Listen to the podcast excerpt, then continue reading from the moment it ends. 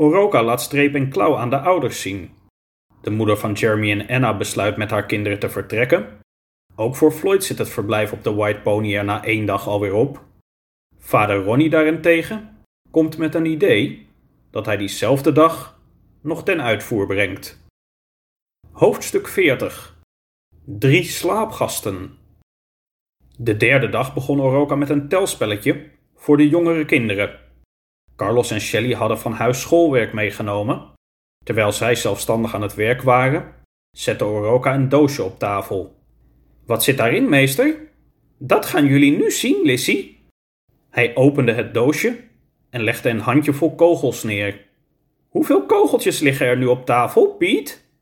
1, 2, 3, 4, 5, 5. Heel goed. En nu? Hoeveel kogeltjes liggen er nu op tafel, Brandon? Acht. Goed zo. Dat heb je snel geteld. Dat hoef ik niet helemaal te tellen, meester. Er lagen er vijf en je hebt er drie bijgelegd. Dus dan liggen er nu acht. Oroka legde nog meer kogels op tafel, waar hij groepjes van maakte, die hij dan weer samenvoegde en dan weer splitste. Brandon en Lissy bleken erg goed in het spelletje te zijn en hadden telkens vlug door hoeveel kogels er in een groepje zaten. Piet en Nicole vonden het nog wat lastig, maar kwamen er met wat hulp vaak ook wel uit. Oroka bracht het doosje kogels terug naar zolder, waar hij het in een kast naast Marks geweren zette. Terug beneden, in de keuken, kwam Brandon naast hem staan. Wat ben je aan het eten, meester? Ik weet niet hoe dit heet, Brandon. Volgens mij is dat broccoli. Eet je dat rauw? Dat is toch niet lekker? Het smaakt goed hoor. In de koelkast ligt nog meer. Als je wil, kan je er ook wat van nemen. Nee, dat hoeft niet. Ik kom even zeggen dat er kindjes stout zijn. Stout? Ja, Lissy en Piet zijn stout. Kijk maar. Oroka liep naar de speelzaal en zag dat Lissy hoog in een van de gordijnen was geklommen. Ook Piet was bezig aan de weg naar boven. Kom eens even naar beneden, jullie. De twee klommen omlaag en keken schuldbewust naar hun meester, die een regel op een krijtbord schreef. Carlos, kan jij dit even hardop voorlezen voor Lissy en Piet? Ja, daar staat: Een gordijn vindt kinderhandjes niet fijn.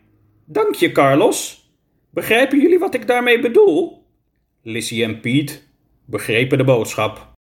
Smiddags waren het Carlos en Shelley die ook enkele tekenen van baldadigheid vertoonden door, zonder het te vragen, planken en gereedschap uit de schuur te pakken, waarmee ze een boomhut wilden gaan bouwen.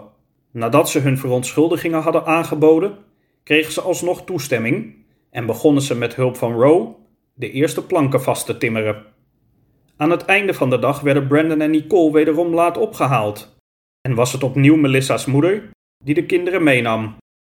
Ik vind het leuk, maar ik ben blij dat we morgen vrij zijn, zei Roe de volgende middag, aan het einde van wat alweer de vierde dag van de White Pony was. Wubbel, die zich overdag weinig bij het landhuis had laten zien, en die beweerde dat je het hoge kindergeschreeuw tot in de wijde omgeving kon horen, drie ganzen waar hij mee optrok, op ruime afstand van het huis, klaagde er volgens hem zelfs over, liep de speelzaal in. Wat is dat? Met afschuw keek hij naar Brandon en Nicole. Zijn ze nog niet allemaal weg? Rustig aan, eend, reageerde Roe. Brandon en Nicole worden vaak wat later opgehaald. Om vier uur zaten Brandon en Nicole nog steeds in de speelzaal. Om kwart over vier was er nog altijd geen teken van Melissa of haar moeder.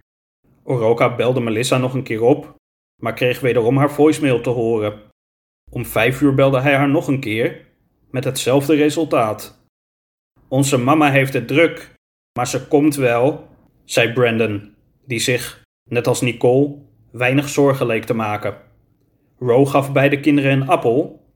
Oroka, die begon met koken, gooide voor de zekerheid wat extra spaghetti in een grote pan kokend water, toen de bel ging. Sorry dat ik weer zo laat ben, Oroka. Melissa omhelsde haar kinderen. Hebben jullie weer een fijne dag gehad? Ja? Goed zo. Ze keek naar buiten, naar het gazon en de fontein. Het is hier ook heerlijk rustig, zeg. Ik zou hier zelf ook wel een paar dagen willen blijven. Jullie kunnen wel blijven eten, als jullie dat willen. Nee, dat zal ik jullie niet aandoen. Ik ben al extra spaghetti aan het koken.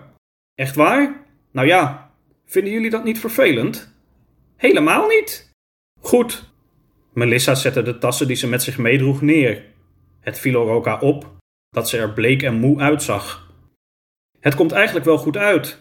Ik ben net langs een supermarkt gereden waar alle pasta en rijst was uitverkocht. Er was zelfs geen wc-papier meer. Dat probleem hebben wij hier niet. Als je wil, kan je zo wel wat van ons meekrijgen. Onder het eten vertelden Brandon en Nicole wat ze die dag allemaal hadden gedaan en meegemaakt. Oroka zag dat Melissa haar best deed om te luisteren, maar dat haar ogen af en toe bijna dicht vielen. Jullie kunnen hier ook wel een nachtje blijven slapen, zei hij, terwijl hij een stapel borden naar de keuken bracht. We hebben bedden genoeg.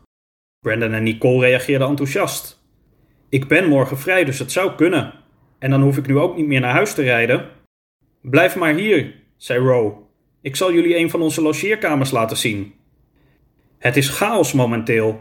Echt chaos, vertelde Melissa s'avonds, nadat ze haar kinderen naar bed had gebracht, over de omstandigheden in het ziekenhuis, waar ze als verpleegkundige werkte. Ze hielp Oroka met het opruimen van wat glazen en pannen, terwijl Ro in een andere kamer een spelletje op haar tablet speelde en Wubbel nog even bij Streep en Klauw ging kijken. Dat coronavirus is echt verschrikkelijk. De patiënten blijven maar binnenstromen en we zijn gewoon niet goed voorbereid.